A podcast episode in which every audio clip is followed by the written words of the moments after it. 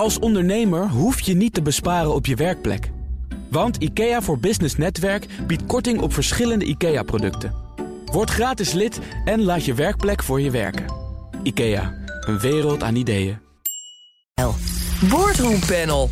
De operationeel directeur van KLM stapt plots over naar een grote concurrent, British Airways. En chemiebedrijf DuPont is door de kantonrechter aansprakelijk gesteld voor schade die werknemers hebben geleden in de fabriek.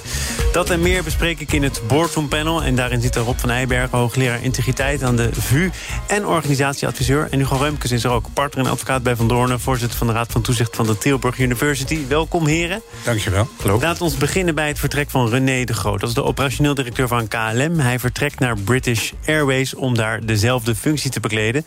En volgens de Telegraaf levert die overstap veel onrust op onder het KLM-personeel. De Groot weet alles over de bedrijfsgeheimen, operatie, strategie van KLM en Air France. En mijn vraag is: eh, is die onvrede, die onrust eh, terecht op zijn plaats, Hugo? Nou, misschien wel in de Telegraaf. Maar als ik uh, lees wat uh, de ondernemingsraad erover zegt... Die, die snappen dit wel. Als je iemand van 53 die lang bij KLM heeft gezeten... Uh, uit de executive committee zet... ja, die gaat natuurlijk iets anders zoeken. En nou, hij is geen advocaat en ook geen hoogleraar. Dus dan ligt het voor de hand dat hij bij een luchtvaartmaatschappij... daar wel iets vindt. Ehm, ja, hoe dat georganiseerd is, dat is natuurlijk wel interessant... met, met bedrijfsgeheim. Maar ik vond het nogal tendentieus hoe dat nu werd neergezet. Ja, in, in diezelfde krant kwam volgens mij ook die ondernemingsraad wel aan het woord, toch? Ja. Met als tekst... Ja, hij is nu helemaal topbestuurder in de luchtvaart.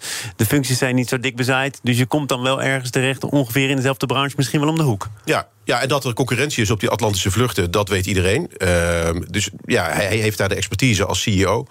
En, en zal die expertise ook graag gebruiken. Ik verwacht dat hij professioneel genoeg is uh, om, om daar zorgvuldig mee om te gaan. Nou, moet, moet je ervan uitgaan dat hij professioneel genoeg is? Of moet je daar toch proberen afspraken over te maken? Nou, beide. Uh, maar ik weet als advocaat dat al die afspraken in de praktijk vaak overboord gaan op het moment dat uh, ja, de verhoudingen wat verzuren en iemand eigenlijk gewoon het pad moet verlaten. Hij moet het pand verlaten. Nou, Hoe zie jij dat? Hij is in ieder geval gehaald uit de executive committee. En dat is wel een signaal dat de toekomst uh, niet meer bij KLM ligt. Ja. We gaan even naar de hoogleraar integriteit. Hoe doe je dat een beetje goed en verstandig? Overstappen naar een grote directe concurrent, terwijl je veel weet over KLM in dit geval? Nou, misschien even de, de stap ervoor. Ik begrijp natuurlijk dat die man opstapt. Als je zo met je personeel omgaat, uh, je zet hem eruit, moet je niet verbazen dat je opstapt. Het is wel in de corporate culture van uh, KLM heel ongebruikelijk. Hè. Dat is, die hebben een hele sterke KLM Blue cultuur.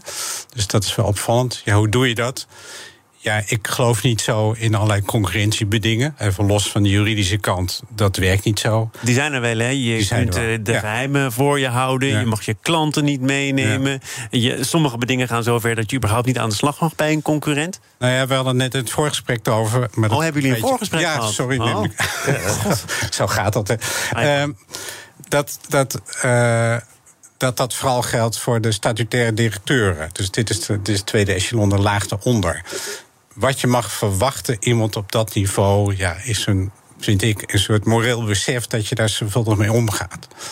Um, en, maar we weten het niet, want we hebben het alleen in de krant kunnen lezen welke afspraken er zijn gemaakt daarover. Maar dus, eigenlijk zeg je dat morele kompas is belangrijker dan welke afspraak dan vind ook. ik bij alle integriteitskwestie. Je kunt allerlei regels vastleggen, maar daar kun je altijd onderuit komen. Maar ja. dat weet de advocaat beter dan ik. Nou, maar ze staan hier inderdaad allebei aan tafel. Want jij zei, jij zei ook wel dat je je bedenking had bij allerlei bedingen. Ja, nou, die staan er vaak wel. En, en het is ook belangrijk om uh, hele bedrijfskritische informatie uh, te beschermen. Ook, ook bij twee, tweede echelon managers. Alleen, ja, de, de, de, effectiviteit daarvan is over het algemeen wel beperkt. En zeker in een situatie als deze, dat iemand ja, eigenlijk gestopt wordt in zijn carrièreperspectief, leidt er vaak toe dat, dat er een gesprek plaatsvindt. En in dat gesprek worden vaak dit soort bedingen opgeheven. Want anders kan hij ook nergens anders naartoe. Dus dat bedoel je met het gebrek aan effectiviteit? Nog voordat het goed en wel echt van toepassing is? uh, gooi je zo Nee, dat niet. Dat niet. Je, hebt, je hebt allerlei soorten bedingen. Non-concurrentie, geheimhouding. Zelfs uh, wat je net zei, dat je niet bij de concurrent uh, in dienst mag komen... of andere oud-collega's mag aantrekken. Dat kun je allemaal afspreken. Maar vaak is het in de praktijk toch zo dat je ehm, dat dan allemaal moet gaan bewijzen... en hoe het is gebeurd, enzovoort, enzovoort. En de vraag is ook of je daar achteraan wil gaan. Daar geldt misschien ook nog wel dat BA als marktpartij ook weet... what goes around comes around. Dus als je iemand in dienst neemt die, uh, in de veronderstelling... dat hij allerlei vertrouwelijke informatie van KLM vrijgeeft... dan weet je ook wie je er vervolgens weer in dienst neemt. En ik kan me voorstellen dat je dat ook niet wil. Oh. Ja. ja, ja, mee eens. Uh, wat ik me wel kan voorstellen, we hadden, van de week was natuurlijk in het nieuws Nede Smit-Kroes bij de Europese Commissie spreken dan van een afkoelingsperiode.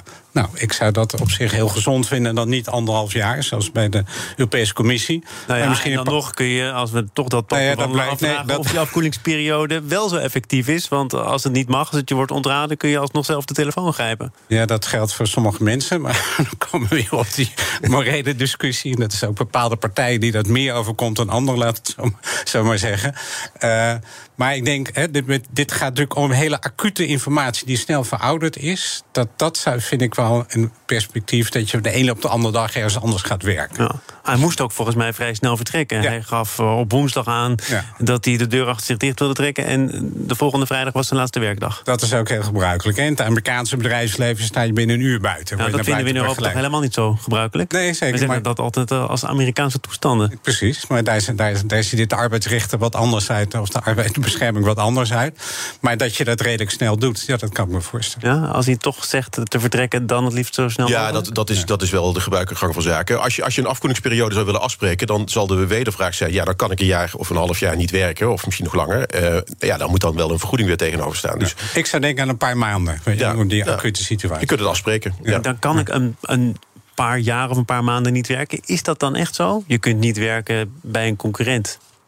Ja, maar goed, wat, wat, wat moet hij anders met, uh, met, met 32 jaar KLM-ervaring achter je naam en, en begon als piloot? Uh, dan is er ook niet veel keus, denk ik. Uh, vinden jullie dat hij, zo proef ik het een beetje, is, is afgedankt door KLM en daarom maar ergens anders is gaan kijken? Ook dit hebben we natuurlijk uit de krant, maar toch? Nou ja, je ziet in ieder geval dat de CEO is vrijwel gelijktijdig de wacht aangezegd. En, en hij zit waarschijnlijk in datzelfde clubje. Dat weten we natuurlijk niet, want die feiten kennen we niet. Maar ik vind de reactie van de ondernemingsraad wel tekenend. Die, die ja. reageert minder heigerig dan wat je in de krant leest. Ja, ik heb het idee dat er een loyaliteitsconflict uh, speelde naar zijn vroegere baas. En dat hij daar een keuze heeft gemaakt wat hem niet in dank is afgenomen. Dus, ja. Die vorige baas is ook in dezelfde branche actief gebleven, naar India verhuisd. Dat is natuurlijk verderop, maar speelt het dan niet eigenlijk ongeveer hetzelfde? Namelijk dat hij ook veel weet van KLM en aan de slag gaat bij een andere luchtvaartmaatschappij? Ik ben geen luchtvaartspecialist, maar ik begrijp dat BA echt een directe concurrent is. En dat het in India, India, Indiaanse maatschappij wat minder speelt. Eh, het feit dat uh, een nieuwe president-directeur uh, misschien wel met een nieuwe staf, met een nieuw team aan de gang wil, dat is toch ook wel begrijpelijk? Ja, je ziet het zelfs in de voetbalwereld. Ja, je moet je wel je eigen assistenten meenemen. Zo is het. Ja. Nee, dus dat je, dat je juist op het operationele vlak, hè, de CEO, uh, dat je daar uh, accentverschillen wil aanbrengen, dat is gebruikelijk en, en, en ook helemaal niet raar. En dan moet je dan ook daar consequent in zijn en zeggen van nou, dan, dan nemen we afscheid en laat iemand ook weer gaan. Ja. Deel 2 van dit panel komt eraan. BNR Nieuwsradio. Zaken doen. Thomas van Zeil. En dit panel is het Boardroom Panel. Dat wordt gevormd door Rob van Eyberg en Hugo Reumkes. Eumedion, dat is de belangenbehartiger van grote institutionele beleggers... laat weten harder te willen gaan optreden tegen bedrijven... die hun bestuurders te ruim belonen... tegen de zin in van aandeelhouders. Eventjes een kort fragment van Riens Abma van Eumedion... eerder deze week in de ochtendspits van BNR. Ja, blijkbaar is zo'n adviserende stem uh, niet krachtig genoeg. Mm -hmm. hè, want de aandeelhoudersvergadering heeft slechts een adviesrecht aan de Raad van Commissarissen. Maar als je zoals bij Philips met 80% tegenstemt, ja, dan verwacht je wel dat de Raad van Commissarissen daar iets mee doet. En tot op heden heeft bijvoorbeeld um, de Raad van Commissarissen van Philips daar nog niks mee gedaan. En hetzelfde geldt eigenlijk bij Axel Nobel. Philips wordt er eh, uitgepikt. 80% eh, van de aandeelhouders stemde tegen de voorgestelde bonussen. Onder andere voor de topman van Hout. President-commissaris Fijke Siebesma zei daarover... ik wil benadrukken dat het bestuur ook goede dingen heeft gedaan... maar we zullen komend jaar verder met aandeelhouders in discussie gaan. Hugo, is dat voldoende? Ja, Kijk, beloningen is altijd een, nee? een lastig, uh, lastig onderwerp. Uh, er wordt vaak gezegd, de, de belonings, het beloningsbeleid is een lakmoesproef van goede corporate governance. Dus op het moment dat je daar kunt ingrijpen, dan heb je echt ook macht om, in te, om dingen te kunnen doen. Uh, het, het, lastige is hier dat beloningsbeleid is maar een deel van het hele palet waar commissarissen naar kijken. En het is zeker wel belangrijk. En in Nederland helemaal belangrijk. Maar ik denk dat Sibesma daar wel gelijk heeft. Dat uh, een bestuurder op meerdere aspecten wordt afgerekend dan alleen maar zijn beloning. tegelijkertijd geldt dat als zo'n grote meerderheid, uh, zoals bij Philips, een adviserende stem geeft, dat het uh, toch wel te gortig is, dan moeten de commissarissen dat denk ik wel in hun overwegingen meenemen. Of dat ertoe moet leiden dat de aandeelhouders ook meer rechten moeten krijgen om naast die adviserende stem ook actief te kunnen ingrijpen. Dan krijg je een hele andere dynamiek ook weer in die boardroom. En ik, ik vraag me af of dat wel ja, dat wordt nu onderzocht. Hè? Eumedion heeft uh, onder andere de blik gericht op, ik meen, Zwitserland... waar het geen adviserende stem is, maar tamelijk bindend, tamelijk dwingend kan zijn. En de vraag is dan of dat tot een betere disciplinering leidt. Als het antwoord daarop ja is, is er dan veel op tegen om dat in Nederland ook toe te passen? Nou, Eumedion staat volgens mij ook voor lange termijn waardecreatie. En uh, als je per kwartaal doordendert en allerlei zeg maar, klemmen op bonussen zet, dan heeft dat toch het element van korte termijn uh, politiek. En ik denk juist dat het verstandig is. Is een bonus niet juist een uitwas van korte termijn politiek? Nou ja, je kunt ook op lange termijn, de, de, de lange termijn bonussen, uh, dus de, de, die gekoppeld zijn aan de lange termijn waardecreatie, om daar meer naar te kijken. En dat zou dus ook kunnen helpen om die doelstellingen die de, de partijen achter Eumedion hebben ook meer te waarborgen. Maar wat Riens Altma volgens mij wel verstandig doet, is dat hij zegt: als er zo'n grote meerderheid een adviserende stem heeft, dan kunnen de commissarissen dat, dat geluid niet negeren. En dan moeten de commissarissen daar misschien ook op acteren. Rob, deze gele, misschien zelfs wel rode kaart die Eumedion uitdeelt, zo stond het in het FD, is die op zijn plaats? Um, nou, ik denk in, in, in, zeg maar in, de, in de corporate governance is het zo geregeld. Commissarissen die gaan af de beoordeling beloningsbeleid. Ja, aandeelhouders hebben een adviserende stem. Ik ben er geen voorstander van dat zij een, een, permanente of een vaste stem krijgen. Maar het is natuurlijk wel zo dat als 80% van je aandeelhouders iets vinden, dat je daar serieus naar moet luisteren. Dat ja, maar wat is dat serieus naar luisteren? Want Fijke Siebesma zegt hier dus over: wij gaan in dialoog, we gaan in discussie nou, met dat, aandeelhouders. Dat, dat, is niet serieus luisteren. Oh, dat is nee. nee wat moet hij dan doen? Nou, ik denk eh, opnieuw kijken naar de besluit wat je hebt voorgesteld. Dat, en dat dan herzien. En dan, dan herzien in de meest extreme geval. Maar goed, dat, moet je, dat geldt niet elk bedrijf, moet je per dossier bekijken. Maar het is natuurlijk zo dat je als organisatie steeds meer uh, uh, dat de samenleving meekijkt. Dus de commissaris hebben wel de neiging om vaak heel financieel te kijken, korte termijn te kijken. Maar wat ook ongelooflijk belangrijk is, ja, wat voor imago uh, roep je meer op als bedrijf? Nou, bij Philips dit dossier natuurlijk verschrikkelijk fouten gemaakt. Een slaapapneu-affaire. Precies. En als je dan vervolgens zegt dat gaan we extra belonen, dat is althans het beeld, brengt dat heel veel schade toe. Ja, dat, dat is natuurlijk wat die commissarissen ja. zeggen helemaal niet juist. Hè. Er zijn afspraken gemaakt over wanneer bestuurders bonussen krijgen. En als je daar sec naar kijkt, dan en, hebben ze daar. Hebben ze helemaal gelijk. Maar ik denk dat je breder moet kijken als uh, raad van commissarissen. Ja. Grappig is, Hugo, dat jij zei... ja, zeker in Nederland is dit een uh, precair onderwerp. Frans van Houten heeft hier op BNR gezegd... joh, dit is zo Nederlands, dat gedoe over mijn beloning... en of ik wel, genoeg verdien of zelfs te veel. Is dat typisch Nederlands? Nou ja, we herinneren ons nog de hele discussie hier rondom Ralf Hamers uh, bij ING. Dat was een beetje eenzelfde type casus. Ja, maar die moest ook Champions League salarissen en bonussen krijgen. En dat krijgt hij ook in Zwitserland. Hè. Dus uh, in dat opzicht uh, heeft hij daar wel gelijk gehad. Wat, wat wel interessant is, is ook de dynamiek die erachter zit. Volgens mij wordt er ook gesuggereerd...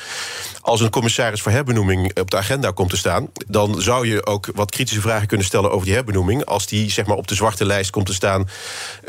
te, te toeschikkelijk als het gaat over beloningsbeleid. En, en daar daar kom je al wat verder dan die, alleen die adviserende stem. Daar zouden de aandeelhouders dus ook meer invloed kunnen uitoefenen. Ja, Medion zegt dat dat gebeurt dus in zekere zin al. Ik, ik lees even hun eigen bericht voor. Medion stelt vast dat de herbenoeming van bestuurders en commissarissen voor controverse zorgt. En zegt daaruit blijkt dat een steeds groter deel van de aandeelhouders, bestuurders en commissarissen al individueel verantwoordelijk houdt voor de uitkomsten van het gevoerde beleid. Ja. Die conclusie kun je dus trekken? Nou, als, als, uh, kijk, om, om, om het zuiver te houden, juridisch in ieder geval... Uh, de commissarissen doen dit gezamenlijk. Hè. Het is niet de individuele commissaris die daar verantwoordelijk voor is... maar ik snap wel de, de gedachte die erachter zit. Uiteindelijk is het meer een samenspel en heb je gewoon afspraken gemaakt... En, en zullen de commissarissen dat samen moeten doen. Wat daar ook nog meespeelt zijn de stemadviesbureaus. dat zijn de bureaus die uiteindelijk de analyses maken... en aangeven of ze voor of tegen zullen zijn. En ja, die zijn in belangrijke mate ook sturend in dit debat. En nou, ik kan me voorstellen dat commissarissen daar wel wat nerveus van worden. Ja. Tot slot, het uh, hele overzicht van Eumedion. Daaruit uh, blijkt dat er steeds meer controverse is. Maar tegelijkertijd dacht ik, ja, van de meer dan duizend voorstellen die in stemming zijn gebracht, bleken er 61 controversieel te zijn. Met een tegenstem van meer dan 20 procent. En dat is dan weer een stijging van 25 procent. Dan geef ik meteen toe, ik ben een buitenstaander. Maar Er komen meer dan duizend voorstellen in stemming. 61 zijn controversieel. Vind ik, lijkt, komt mij niet heel schokkend over. dus dat ben ik met je eens. Het is wel zo dat het wel hele uh, aansprekende uh, gevallen zijn. Hè. De grote Nederlandse ondernemingen waar de discussie dan op volop wordt gevoerd... en waarvan je zou kunnen zeggen dat de commissarissen... ook hoe ze zijn samengesteld en welke maatschappelijke posities ze hebben ingenomen... dat je mag verwachten dat ze betere antenne hebben... voor dit soort type discussies. We gaan uh, naar de antennes van het chemiebedrijf Dupont. Dat wordt aansprakelijk gehouden voor schade die oud-werknemers hebben opgelopen... door blootstelling aan gevaarlijke concentraties van een bepaald oplosmiddel. En dat leidde bij een aantal vrouwen tot vruchtprijsproblemen, doodgeboren kinderen, baarmoederhalskanker. In die fabriek werden tot begin deze eeuw onder andere kousen en panties gemaakt met lycra-garens. FNV zegt nu tevreden te zijn over het vonnis van de kantonrechter, spreekt over een fantastische overwinning. En dat heeft nogal wat voet in de aarde gehad, want het OM staakte vorig jaar een zaak omdat niet bewezen kon worden dat de dampen in de fabriek vroeger boven de grenswaarde kwamen. Nu is er een civiele zaak over de zorgplicht van Dupont en komt dit alsnog boven water. Rob, is dat opvallend? Ik vind, het opvallend. Uh, maar ja, daar zitten natuurlijk al juridische aspecten aan. Maar ik vind het ook terecht dat een bedrijf meer en meer aansprakelijk wordt gehouden voor uh, gezondheidsrisico's. In de situatie dat ze bewust waren van die risico's. Ja, de, de rechter heeft dat gezegd. Jullie hebben een onderzoeksbureau ingehuurd, tientallen jaren geleden al. Waaruit uh, bleek dat de ventilatie niet op orde was. Dat de verdamping te wensen overliet. Het afzuigen niet optimaal functioneerde. Met andere woorden, daaruit zou je concluderen: willens en wetens ja. hebben die uh, vrouwen blootgestaan aan een gevaarlijke situatie. En ik heb ook begrepen uit hetzelfde onderzoek dat het makkelijk op te lossen was. Niet eens grote investeringen vroeg. beschermende kleding, andere ventilatie, had het niet hoeven gebeuren. Nou, dan vind ik het moreel zeer terecht. Ik weet niet of het juridisch, maar terecht dat een bedrijf daar aansprakelijk voor Waarom gebeurt het dan toch? Ja, eh, korte termijn, we komen er wel mee weg. Eh, en een ander tijdsperspectief, hè, dat vind ik ook altijd belangrijk. Er is nu, nu veel meer een besef bij het bedrijfsleven om uh, naar dat soort effecten te kijken. Twintig jaar geleden. Je laat het blijkbaar wel onderzoeken. Ja. Nou ja, al, al, heel lang geleden. Ja, zeker. Ja, ik denk om even een beetje een risicoanalyse te maken, is mijn inschatting. Maar... Ja. Hugo, ja, we hebben hier een mooie combinatie aan tafel van het morele kompas, waar jij natuurlijk ook over beschikt, hè? dat wil ik meteen gezegd hebben. Dankjewel. Maar ook, ook de juridische bagage. uh, hoe zit dit nou juridisch in elkaar? Want het, het draait hier om de zorgplicht van Dupont en of daar ja. uh, in gebrek is gebleven of niet. Ja, nou ja, de, de juridisch zijn er wel wat uh, parallellen te trekken. Bijvoorbeeld met uh, de problematiek rondom het medicijn DES. Misschien dat je dat nog iets zegt, ja. uh, waar dezelfde problemen zich voordeden. Maar bijvoorbeeld ook asbest. Hè, de Hoge Raad heeft ooit bepaald dat sinds 1 januari 1975 eigenlijk bekend was dat asbest een probleem was. En dat bedrijven daarop hadden moeten acteren. Recenter hebben we met Chrome 6 gehad. interessanter is misschien ook dat, dat het nu een actueel debat is in de boardroom. We hebben de, dat thema ESG of ESG, waarbij uh, uh, niet alleen via de business units, maar nu ook in de boardroom zelf de commissarissen actief wordt gestuurd op dit soort problematiek. En dan is het denk ik wel terecht dat op het moment dat er duidelijke signalen zijn dat uh, de normen worden geschonden, dat, dat ondernemingen daarvoor ter verantwoording worden geroepen. Maar stel je daarmee ook vast dat deze situatie nu niet meer voorkomt, of dat de kans daarop veel kleiner is? Nou, ze zullen zich zeker opnieuw voordoen. Alleen uh, is het nu een actueel... Het is een thema in de boardroom... en dat zou dan toch ook moeten leiden tot ander beleid? Ja, maar de vraag is in hoeverre eh, de boardroom op de hoogte is... van, van, van deze problematiek. Ik weet niet of dat onderzoek is gedeeld... en of, of daar actieve vragen zijn gesteld door bijvoorbeeld de toezichthouders. Als dat allemaal blijkt, maar dat zijn meer bewijsachtige problemen... dan, dan zal daar wel op geacteerd worden. Maar dat, dat, dat ondernemingen steeds meer uh, thema's zoals dit... in het ESG-debat uh, op de agenda laten zetten... en dat commissaris actief naar vragen. Dat is wel iets van deze tijd. En aan de andere kant heb je dan meer de aansprakelijkheidsrisico's... die ook zo zorgen dat ondernemingen alert blijven. Rob, denk jij dat er veel veranderd is? Er is zeker wat veranderd, veranderd in de bewustwording. En, en, te kijken naar risico's. Maar er zijn natuurlijk de afgelopen jaar heel veel dossiers te noemen. Tata Steel, waar het nog steeds niet op orde is. We hebben een wat minder bekende granulietaffaire gehad. Waar veel ontdieping van plassen. Waar en er is ook meer een besef dat er misschien meer regelgeving moet komen van de overheid. Dat, dus ik zie dat er dingen aan zijn veranderen. Maar ik zie nog niet dat het echt verandert. Dus, uh... Maar ook interessant is hoe Dupont hier nu mee omgaat. Hè? Want de rechter heeft, eh, meen ik, geadviseerd... beide partijen gaan met elkaar op de tafel zitten. Komt tot een schikking. Dupont zit er toch wat anders in. Want hij zegt, ja, bewijs maar eens dat de schade die jij hebt opgelopen, hè, de symptomen en de problemen die zich hebben voorgedaan, dat dat echt allemaal toe te schrijven is aan jouw werk in de fabriek. Kortom, het is nog helemaal niet afgelopen. Nou, met alle respect naar mijn collega boardroompanel... maar dat is wat advocaten natuurlijk vaak doen. Hè. Die gaan in eerste instantie de aansprakelijkheid proberen te vertragen. Ik vind het altijd heel dom. Je kunt het beter erkennen en dan met elkaar in gesprek gaan. Uh, en, en dat kost je misschien wat meer geld. Maar dit eindeloos rekken en zeggen... en laten dat onderzoeken, doet je imago ook geen goed. En ik denk dat het uiteindelijk meer geld kost. Ik pak de handschoen maar op. Uh, ja, ik dacht, ik laat even een stilte ja, ja, zo is het ook. Nee, uh, dit, dit, is de uitspraak van de kantonrechter. Uh, en, en de zaken die ik net heb genoemd, zoals over asbest en dergelijke... dat zijn zaken die uiteindelijk voor de Hoge Raad zijn gekomen. En die leiden dan ook meer tot een, tot een andere norm in, in de jurisprudentie. En ik denk dat deze zaak zich daar ook voor leent. En dat er uiteindelijk dan ook in soortgelijke zaken... een norm is die je kan toepassen. Dus ik snap het verweer wat Dupont voert. Ik weet niet of dat zeg maar, het vertragingstactiek is... of veel meer het juridische zuiver houden van, uh, van het begrip aansprakelijkheid... en wanneer dat in, inspeelt. Maar uh, dat je niet op basis van een, van een uitspraak... alleen maar van de kantonrechter hier toekomt, dat snap ik wel. Maar we hebben het net ook gehad over uh, veranderingen in de maatschappij. Hoe belangrijk het is dat je er als bedrijf een beetje goed op staat bij het grotere publiek. Kun je dan niet beter zeggen, ook al is het juridisch zuiver om het aan te vechten, we laten het erbij, we komen tot een redelijke schikking, we treffen elkaar ergens? Ja, Thomas, daar heb je gelijk. Dit is een debat wat moet worden gevoerd in de nee. boardroom en niet in de rechtszaal. Rob van Eijbergen was er, hoogleraar integriteit... verbonden aan de Vrije Universiteit, ook organisatieadviseur... en Hugo Reumkes, in het bezit van een moreel kompas en veel juridische kennis. Partner en advocaat bij Van Doornen, voorzitter van de Raad van Toezicht van de Tilburg University. Dank voor jullie bijdrage aan dit panel. Zometeen gaat het over waterstofvliegtuigen. Het inrichten van je eigen zaak is best wel wat werk. Daarom biedt IKEA voor Business Netwerk 50% korting op interieuradvies. Word gratis lid en laat je werkplek voor je werken. IKEA, een wereld aan ideeën.